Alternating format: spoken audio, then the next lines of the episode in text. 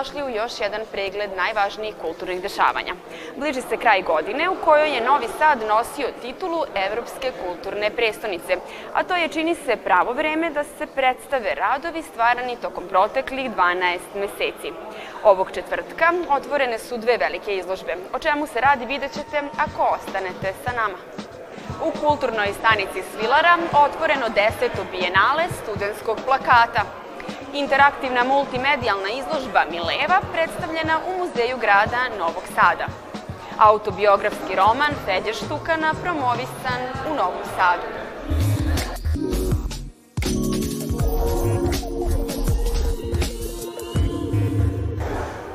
Svetsko bijenale studentskog plakata na kojem su predstavljeni najbolji radovi studenta od 2003. godine do danas otvoreno je u kulturnoj stanici Svilara. Koliko su se menjale poruke, dizajn i šta je karakteristično za današnji plakat, pitamo docenta i člana žirija Luku Prstojevića. Dobrodošli u Arteriju. Dobrodošli. Šta obeležava ovo deseto jubilarno izdanje Bijenala i kakva su vaša zapažanja o samim plakatima od 2003. godine pa do danas? Ono što će obeležiti meni ovo Bijenale je to što sam prvi put zvanično učestvovao u organizaciji njega. Bio sam u žiriju ove godine zajedno sa još četiri svetska o, dizajnera plakata koji su iz Meksika, Italije, Francuske i Tajvana. Ovaj, a ono što mogu da primetim ove godine da zaista nivo kvaliteta iz godine u godinu raste i količina pristiglih plakata nam je sve veća i veća. Ove godine smo imali a, preko 1700 pristiglih radova iz 39 zemalja i konkurencija je bila ozbiljna i zaista kod nas što se tiče žiriranja sve se radi online i nema ovaj nikakve prevare, internacionalni žiri šalje bodove.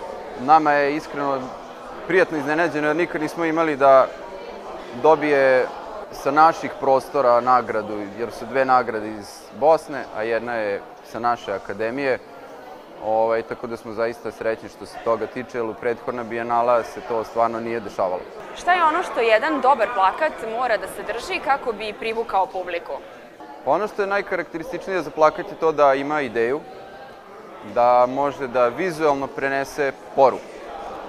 Dakle, to je na prvom mestu. Imali smo jako mnogo rešenja koje su se meni lično dopala, koje su bazirana na estetici, na likovnosti, ali ovaj, nažalost žiri uvek na kraju izglasa ideju. I to je nešto što se provlači kroz sve konkurse o, plakata i kroz sve bijenale, da mora ta poruka, ideja da bude snažna i da se oseti neka vrsta autorskog pečata u tome, da se sačuva ono što je umetničko u primenjenoj umetnosti, odnosno dizajnu.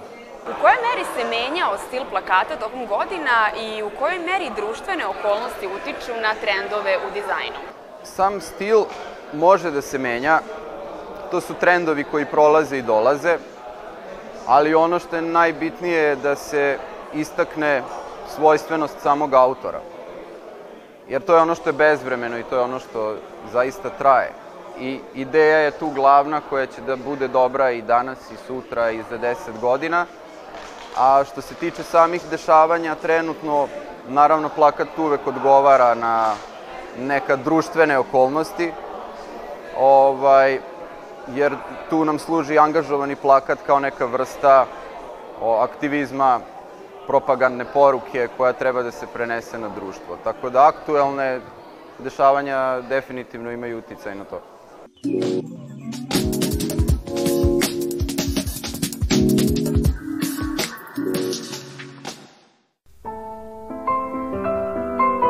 Umetničkim spektaklom u Muzeju grada Novog Sada predstavljena je multimedijalna izložba Mileva autora doktora Dušana Jobovića koja osvetljava život i rad čuvene naučnice. Izložba posvećena Milevi, koja zatvara godinu titule Evropske prestonice kulture, postavljena je na 1200 kvadratnih metara u obnovljenom delu zgrade Muzeja grada Novog Sada na Petrovaradinskoj tvrđavi, objektu koji je izgrađen davne 1775. godine kao vojna kasarna. Novi Sad i e, Srbija dobili su nešto što je potpuno interaktivno, što je na ponos svima nama, jedan prostor u koji smo smestili, instalirali veliku priču o Milevi Marić Einstein, kroz jednu nelinarnu priču s pomoć novih tehnologija, 3D mapiranja, holograma, ali se nadustaje od klasičnih formi slikarstva, kinetičkih skulptura, Veličanstvena postavka realizovana u saradnji Evropske prestonice kulture i Ministarstva kulture Republike Srbije na izvanredan i osobe način upotrebom modernih tehnologija skreće pažnju na značaj velike fizičarke koja je za života nepravedno bila u senci slavnog supruga. Ja ovu izložbu gledam kao veliki omaž gradu Novom Sadu, a, a još veći omaž ženama novosadjankama i uopšte ženama i njihovoj ulozi, odnosno našoj ulozi a, u kulturi, umetnosti, a, obrazovanju, nauci, izgradnji naše države, uvek negde iz senke, a sa ogromnim, ogromnim doprinosom. Ova interaktivna izložba nudi sveobuhvatan pogled na tadašnju ulogu istorijske ličnosti i njenom doprinosu svetskoj nauci, a Muzej grada će 31. decembra otvoriti svoja vrata široj publici koja će moći da pogleda izložbu o čuvenoj Milevi Marić Einstein.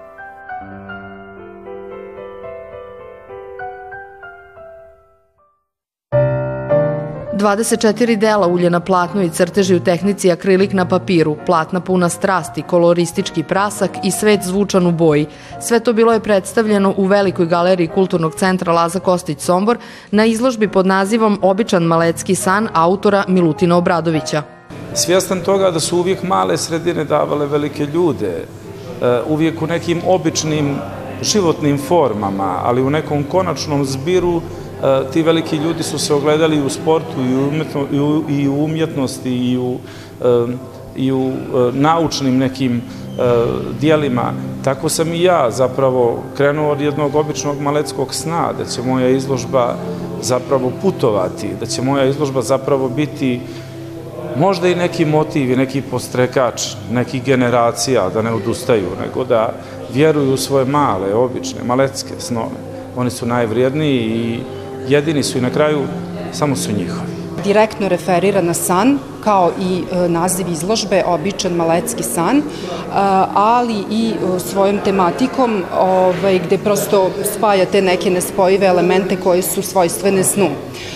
Dalje, ono što je za njega jako karakteristično, to je poput sna spajanje tih gotovo nespojivih boja, površina, oblika i svih onih elemenata koji se nekako zdravorazumski ne mogu spojiti u snu. E, ove, sa druge strane, insistiranje na figuri konja e, jeste zaista e, simbolika, velika simbolika kod Milutinovog slikarstva e, iz razloga e, upravo te snage, e, ali i snage sna, ali sa druge strane i svesnosti e, tog konja da je on ovaj, zaista jedna životinja koja je onako krhka i nežna.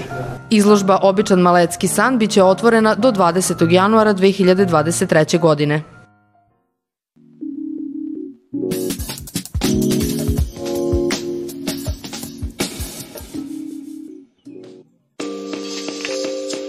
Glumac kamernog teatra u Sarajevu, predavač teorijskih predmeta u pilotskoj školi, strastveni ljubitelj motora, večiti padobranac, kako sam za sebe kaže, a od nedavno i pisac Feđa Štukan novosadskim ljubiteljima pisane reči predstavio je autobiografski roman Blank, u izdanju Čigoje koji se može i treba opisati kao stvaran, surov, bolan, tragikomičan, neverovatan i sveden, te se čita u jednom dahu. Počnem da pišem knjigu, nisam imao kompjuter. Anđelina mi je poklonila iPad na kojoj bi trebao da napišem taj sinopsis. Kad otvoriš program koji se zove Pages na iPadu, otvori se prva stranica koja je prazna, zove se Blank.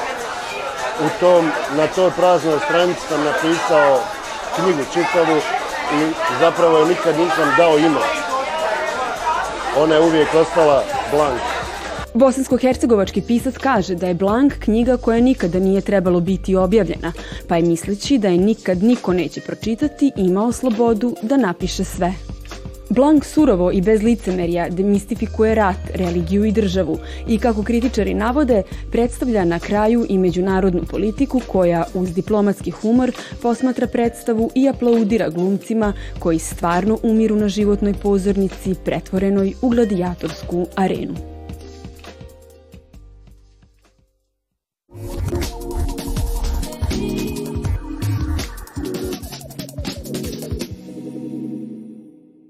Movies are dreams. Višestruko nagrađivani reditelj Steven Spielberg nakon ekranizacija svih mogućih priča od fantastičnih avantura do ozbiljnih ratnih filmova napokon je snimio film o sebi.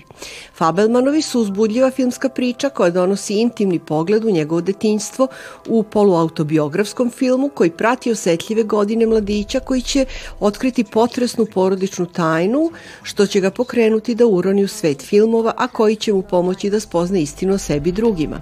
Svoju najintimniju ispovest na ekranu Spielberg je ispisao zajedno sa scenaristom Tonijem Kušnerom po projektu koji bi osmišljen još 1999. godine.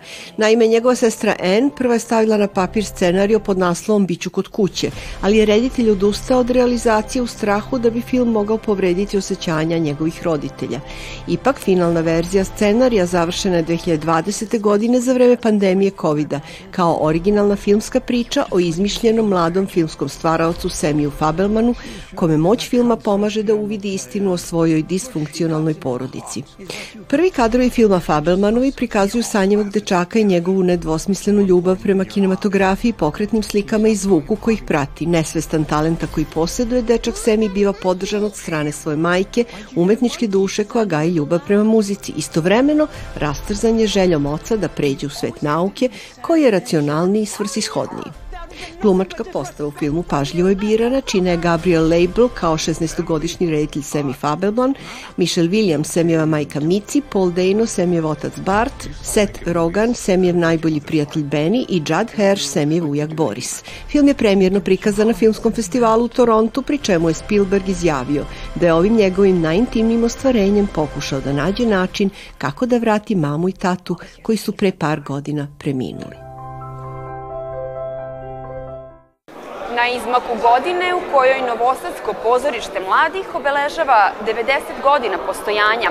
Emisija Duša ište pozorište kroz razgovor sa upravnikom Mihajlom Nestorovićem osvetljava repertoarsko-programski napredak koji je ovo pozorište na svoje tri scene uspelo da napravi uprkos pandemiji koronavirusa. Takođe upoznajemo gledalište sa čovekom koji je podmladio pozorište mladih i od njega stvorio svojevrsni pozorišni dragstor. Upravo je emisija Duša ište pozorište naša preporuka za kraj ovog dana, a možete je pogledati u 23.40 na našem prvom programu. Hvala što ste i danas bili sa nama. Do sutra, prijatno!